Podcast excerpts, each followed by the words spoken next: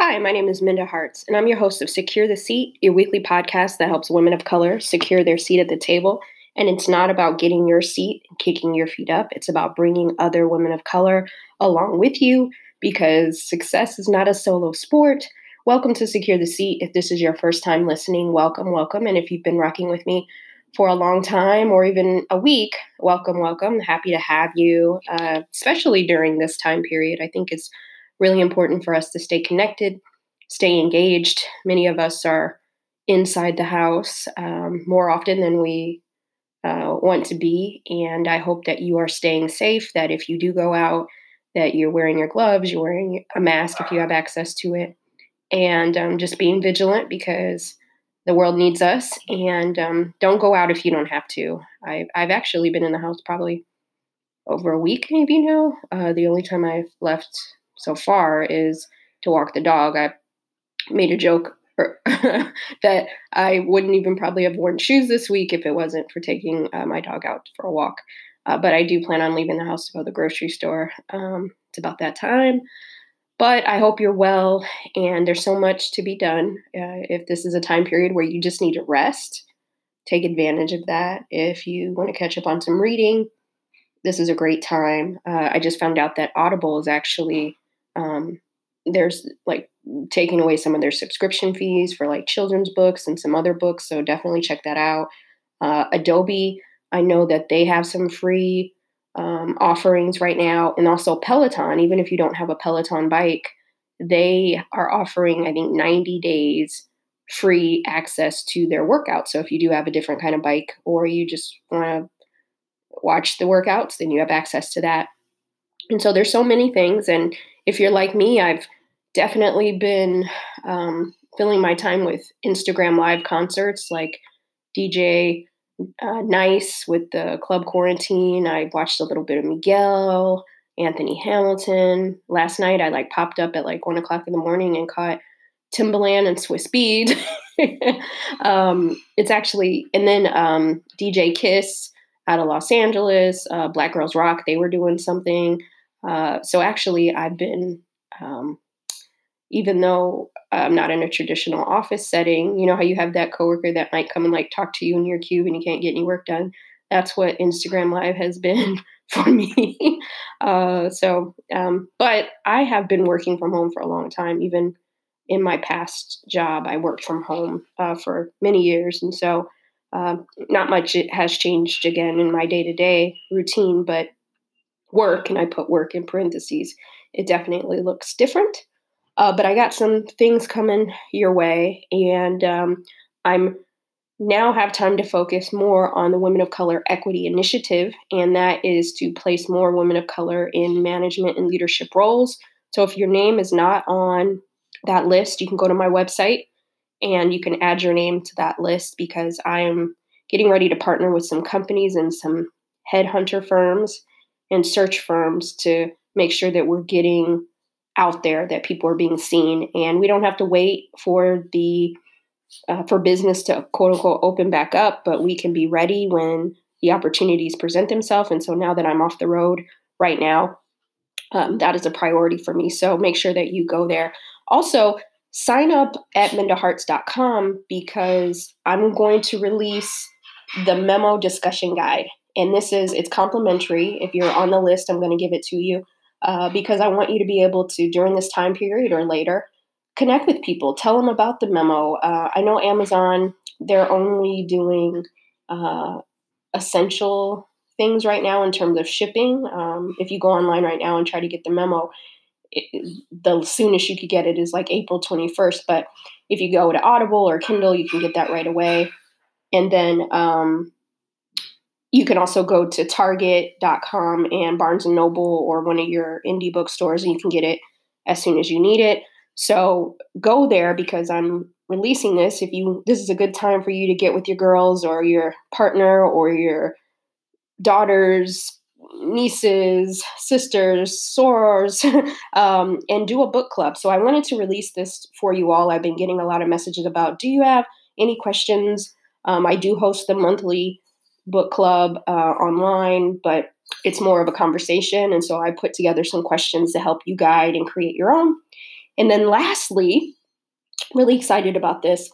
Starting tomorrow, if you listen to this on Wednesday, Thursdays at 4 p.m. Eastern Time, I am going to do Memo Thursdays with me, Minda, and I'm going to start, and I'm just going to do some book readings of the memo. I'm going to read, and if you have questions, I'm going to tell you where I was in the mindset when I was writing, what I was going through, and open it up for questions. And so if you haven't been able to catch the monthly book club, I'm adding this as another way for us to connect.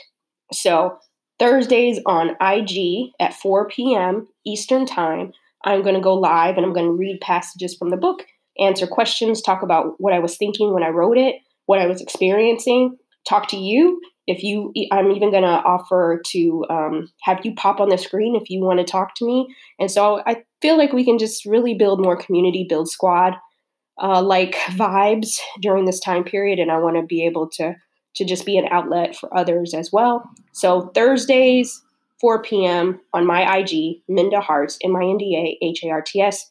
I will see you there. And without further ado, today's guest, I'm really excited about Erika Stallings. Uh, she is a really dope woman. She is a music attorney, health advocate, and a writer. She's been featured in the New York Times, Washington Post, and O Magazine. She wrote this really, really fire post on Zora platform called uh, Pet to Threat. It's the whole concept of when Black women, women of color, uh, many of you probably been in this situation where you start out as like the prize, the rock star, and then slowly people start to see you as a threat. And so I'm going to make sure that I link that article in the show notes so that you'll have it. Uh, but this is a really dope conversation. I'm sure you have much to say about it. Find us online. Uh, both me and Erika are active on Twitter, but you can also go to her website, Erika, E R I K A, Stallings, S T A L L I N G S dot com, and connect with her, let her know what you're thinking, and comment on her article. Let's get into it. The seat, how are you? Good. How are you? I'm doing good. Why don't you tell our audience a little bit more about you? I'm so excited to have you on here. Uh, you've helped me in many ways secure my seat. So it's really awesome to have you uh, on the show. But I'd love more people to hear about you. Yeah, thank you so much. Um, so I'm an attorney. I currently work in the music industry. Prior to my current role, I worked for six years in private practice with a focus on intellectual property matters, uh, trademark, and copyright. I currently live in New York City, but born and raised in North Carolina. And a few years ago, um, due, to, due to some personal health issues, I sort of started a freelance writing career. And I really started off writing about racial health disparities impacting Black women. But more recently, I've also started writing about uh, Black women in the workplace. You know, some of that is based on my own experiences.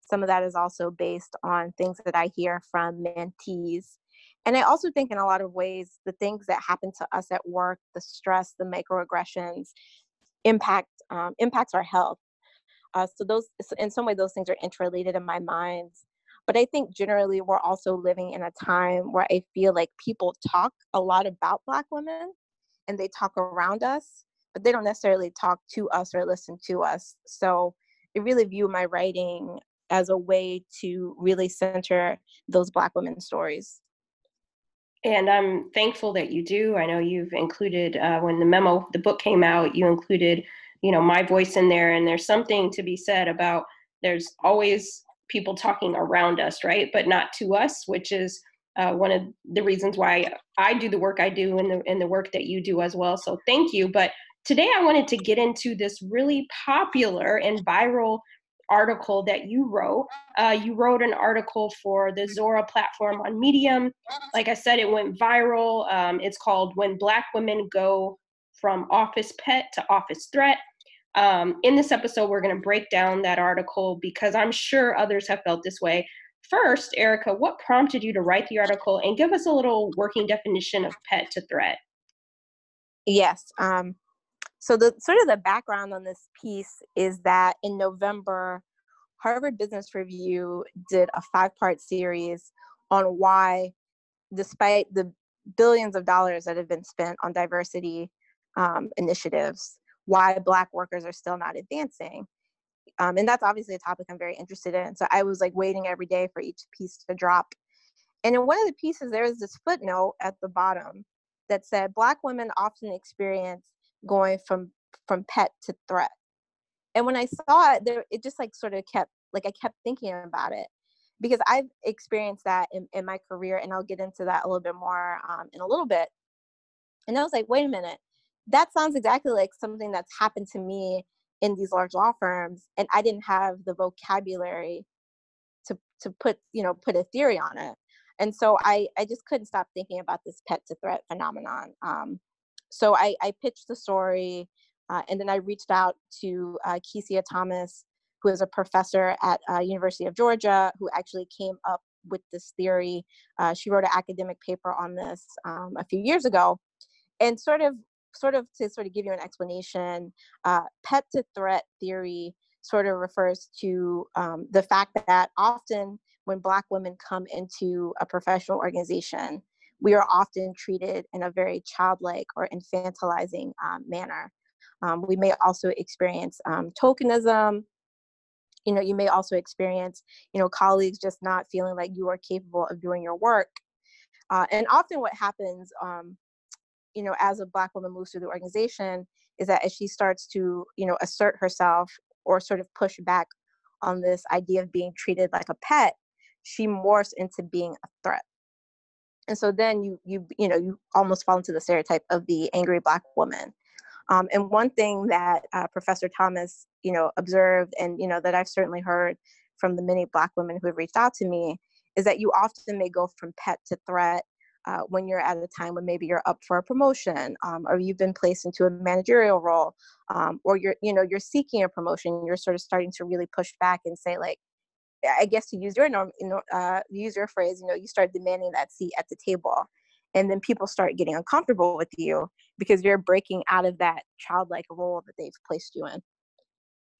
Wow, that's that's interesting. And when I first read the um, article, I definitely saw myself in that storyline. Right? You know, you're you're praised up until you're doing too much, in their opinion, right? And so, mm. um, I'm glad that you wrote about this and and put some vocabulary because I think a lot of the experiences we have as Black women, as women of color, is we don't necessarily maybe have the language for it, but we know we're experiencing it, right? And so, so thank you. Um, the other question I wanted to ask is why do you think so many of us Black women experience this, which you kind of touched on? And is it our problem or those who are in power? Yes. Um, well, I'm, I'm going to talk about sort of a couple different theories because they're sort of my theories from what I've have observed. Um, and then I'll also, uh, you know, reference back to um, the article. Uh, and so I, my sort of personal theory is that I think we live in a world um, where, you know, because white supremacy is still a thing, because racism is still a thing, many white people sort of grow up with this idea that they are still intellectually um, superior to us. You know, so when we get into these workplaces and they see that that's not the case, and that in many cases we might be smarter or more um, hardworking and capable, I think that their brains are just not able to uh, process that information. Uh, so that's sort of my personal theory about this. And one thing that Dr. Thomas talks a lot about in the article um, is that in many ways, even though you know even despite desegregation, you know many Black women are still um, pioneers in their workplaces and in their careers. You know, too many of us are still the only and so what that means is sometimes we're in workplaces where people don't know how to interact with uh, people like us um, and because we might be the only you know the majority might think that we're only there because we're the affirmative action um, hire and i think sometimes you know these companies who have diversity initiatives they think it's enough to just hire us and i think a lot of places don't necessarily think about well what does it mean to actually integrate people who are different um, into the workplace. Um, you know, I, I will say just personally, you know, I actually spoke about Pet to Threat last week at a panel in Boston, and there were over 200 women there, right? And every woman in that room had experienced uh, pet pet to threat phenomenon. And so I don't I don't think it's us. I mean, in every workplace I've worked in, the black people I've worked with have been um, extremely hardworking, extremely capable, extremely highly credentialed. So I don't think it's us. I think that there are still a lot of managers who have just not done the hard work of addressing um, either their explicit biases or their implicit biases. Um, and it makes me sad because I think that there's a lot of, you know, workplace capital that is lost when Black women don't get the chance to fully advance at work. Yeah, that part right there. Uh, many of us, I think, go to our career graves, right? Not even having our employers tap the most of our potential. And so I do think that I would love to see you write more on that, Erika. very, yeah, very, well, I mean, know, I, I will, I will tell you, um, there's a book that's coming out in April that I just got an advance copy of. It's called "You Don't Look Like a Lawyer." Um, Black women and systemic gendered racism. So it's specifically focused on the experience of Black women in large law firms, which I know a lot about. I worked in those environments for six years. And one thing she talks about is the inclusion tax that many of us have to pay uh, to be in these spaces, whether that's our appearance or, or navigating microaggressions. Um, so that's something that I want to write about a, as well. Um, it's a, you know, it's sort of an interesting time because I, I, think right now everyone's very rightfully focused on what's going on in the world. Um, but I definitely want to continue to write about these issues in part because I think when you're in these workspaces and you're an only, you sometimes think that maybe you're just being crazy and these things aren't happening. And so I think it's re- like, as you said, it's really important to give it a name and to let people realize it's not just in your head. These things are happening to you. And I think the more that we talk about these things and we actually name what the problem is, that's when we can start making real progress. Absolutely. I, I wholeheartedly agree with that. And I know that there's somebody sitting there right now, like, man, you know what? I'm going through this thing right now, um, and I'm not really sure how to navigate it. What advice do you have when we realize, okay, I'm no longer the pet, now I'm approaching the threat in their minds? Um, how do they navigate that? What, what do you suggest they do? Uh, yeah, so I, I will say, and this is, you know, in the article, I sort of talk about my experience at my first law firm where I was going through pet to threat and I didn't know it. And I think looking back on it, one thing I wish I had done um, then that I am much better about doing now is I wish I had talked to people about what was going on. Um, I, I think another phenomenon that a lot of Black women experience is that like we sometimes suffer in silence. Uh, and so I would say sort of my first piece of advice is to, you know, talk to, um, have your like have your squad. Um, I have a, a, few different squads. One that's you know all people who are attorneys, um, other people who are in in different industries because I like to get different perspectives on work situations. Um, and so I think one talking to you know mentors and peers and saying, hey, you know this is what's going on. You know, is it me? Is it the workplace situation? I think that gives you really good perspective, and I think it gives you really good perspective on um, how to navigate it um, you know, I'm dealing with an interesting issue at work right now. I won't get too much in the details. And I had an hour long call with a mentor last week who gave me some really great advice about how to handle it. Um, so I think sort of building up your support network, both for people who can give you advice um, and also boost you up when you're dealing with these things. Um, I also tell, you know, all of my mentees, which is advice that I got early in my career, is that I think you should know why you're in a particular workplace. Uh, because I think that helps you to navigate when you experience um, what I'll call career turbulence. So maybe you're at that job because you wanted to get a specific skill or you wanted to get a specific promotion, or maybe you just need to make a certain amount of money or whatever it is, right? And knowing that, knowing why you're there, I think helps you to navigate when you experience bad times. And I also think knowing why you're there helps you to sort of draw your line in the sand, right? I don't think any job at the end of the day is ever worth um, your mental and physical wellness. And so I think you have to know, okay, I'm going through this. Maybe I'm morphing into a threat, and this is my line in the sand.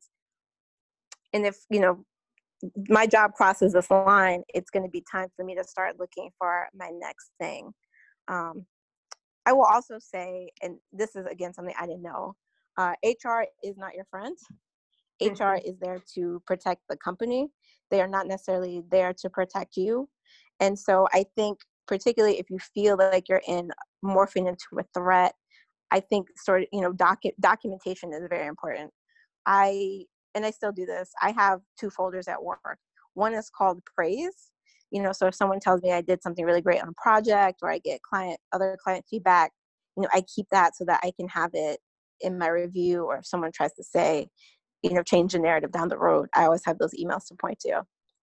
And I also keep something I call shade, you know, if if something happens at work that I sort of just feel the need to make notes to myself. And I think that's important too, um, because if you are in a situation where you're morphing into a threat and, you know, it may be that you can't navigate the situation internally and it's time to, you know, to move on, I think having those notes for yourself is is really important. Um, and I sorry, last thing, um, and also just mental wellness. Um, you know, whether that is you know seeing a therapist whether that's working out whether that's meditation whatever that well of of refresh uh, wellness is for you i think having that is important as well yeah all really great uh, tactical practical advice because i think you know back to your point of why that's something that i'm a really big advocate on is understand why you, why you want even want to be in this role right? Or, or, what you're getting out of it and how do we make work work for us right? And so um, i love that. And the other thing i was thinking as you were talking is there's these mass exoduses of women of color black women that are leaving corporate and nonprofit spaces because of these type of things like microaggressions bias the inequalities if I had a manager that's listening right now, what would you give them as advice on how to make things right with us? Yeah. Um, well, gosh, I, that's probably a whole other podcast. Um, I think what I will, I think what I will say, and this is something that someone said to me recently, right? Many managers, I think many white managers think of themselves as being good people, and, and they probably are good people. So the idea that they might have implicit biases is hard for them because then they're like, well, if I have implicit biases, then I can't be a good person, and I am a good person. So I think if you're a manager, you know, it's hard work, but I think really taking on that hard work of being like, I'm I'm a good person, but yes, I do have implicit biases that may impact how I think about um, or evaluate, you know, my my black women employees in the workplace right? And do the hard work of trying to overcome those right? Like do a gut check. Well you know when i'm giving out the, the best assignments you know who am i giving those to? What are the things that i can do to maybe you know pass around those assignments in a more equitable way? I also um, i also think listening like i think people really under underestimate the value of just listening to people. I think so many times in workplace, people just want to be heard and have their feelings acknowledged. Um, so be, be open-minded. Listen to the things that your Black women employees are telling you. Um, and I, you know, and I also think don't always make us do all of the work of, you know, making your workplaces um, diverse and equitable. Um, that sort of goes back to this idea of there's an extra tax on us in the workplace. Uh, and so I think it's everyone's role to, you know, work on DNI issues. And I think managers need to recognize that. Um, but yeah, I think some of it is really sitting down, if you're a manager, doing that hard work, thinking about where your biases or blind spots might be, and thinking about how you can overcome that. And I also think, again, just listening um, to your employees when they bring these um, issues to your attention. Absolutely. I, listening goes a long way. And I think managers do have to do the hard work. Listen, we all have bias. We all have blind spots. Like I consider myself a good person, but I definitely would never tell you that I don't have any blind spots, right? But what am I doing to try to eliminate those blind spots? And I think we really have to put some onus as managers to to do the hard work. So I'm glad you made that point. And then lastly, Erika, so there's a lot of black women, women of color who've left these spaces, right? And they're like, I'm never going back uh, I'm too I'm too battered and bruised from the situation. But what do you think they need to hear to consider maybe going back and not deferring their dreams anymore? Yeah, um, I think a couple of things. I think one is, and this is something I say to myself all the time. You know, I spent a lot of money to get my my JD, my law degree. I mean, I'm still paying my student loans, and so I think sometimes I'm just like, I'm gonna do the things I want to do, um, because I paid too much money and I worked too hard to get my degree. And so I think sort of having that sort of just mantra to yourself, right? Like you know, obviously all of us are getting these degrees and, and hustling in the workplace because there are things we want. Um, I also think, and this goes back to something um, that I said and something that Dr. Thomas said to me when I interviewed her for the Zora piece.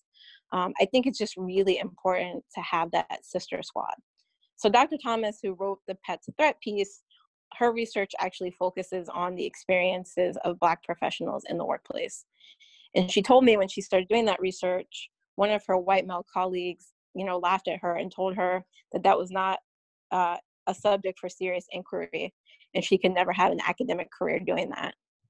And she talks about the fact that it was her, um, you know, sister squad of other Black women academics who kept her going, who reminded her that that research was important, who gave her opportunities, um, and that kind of thing, right?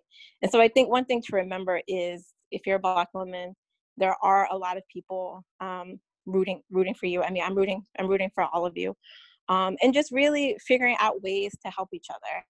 You know, I'm an in-house attorney now. I'm not in a position to give out work to law firm partners yet. I'm trying to get to that place, right? But I'm always talking to my Black women friends who are still at large law firms and saying, what are the things that I can do to help you? You know, can I get you on a panel? Can I, you know, help you get an article placed? Can I interview you as a source for a piece? You know, what are the things that I can do even at my level to help you get where you need to be? Um, so I think if you can build those networks, um, you know, I just think particularly among black professionals my age we're all about trying to boost each other so find that support network for yourself you know and, and get back in the ring Yes, yes, all of that because our careers matter, our dreams matter, and we're not going to let people stop us from what we work so hard for. And so sometimes we need to tap out and have a break, but get back in the ring if that makes sense for us. Erika, I'm so happy that we got a chance to talk about this. How can people find you and support your work? Yeah, thank you. Uh, so um, my website is my name, um, Erika with a K, uh, erikastallings.com is um, I have a contact form there, and I also post um, my writing there. I'm also on Instagram, so Erika underscore M underscore Stallings on IG. Uh, I'm also on Twitter. My Twitter handle is Quidditch424 because I really like Harry Potter.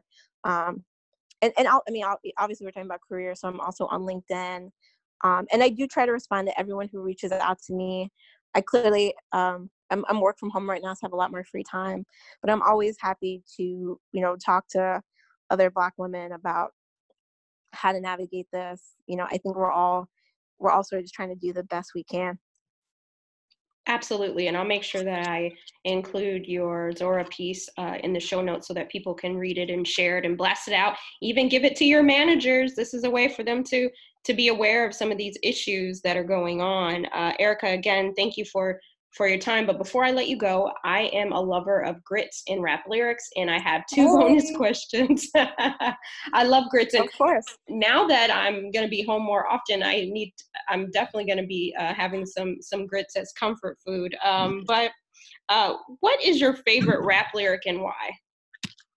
Yeah, I mean, it's probably like a whole verse, so I hope that's okay. Um, Go ahead, girl. yeah, it's okay. So that uh, Jay Z song, it's from the blueprint. It's called Never Change.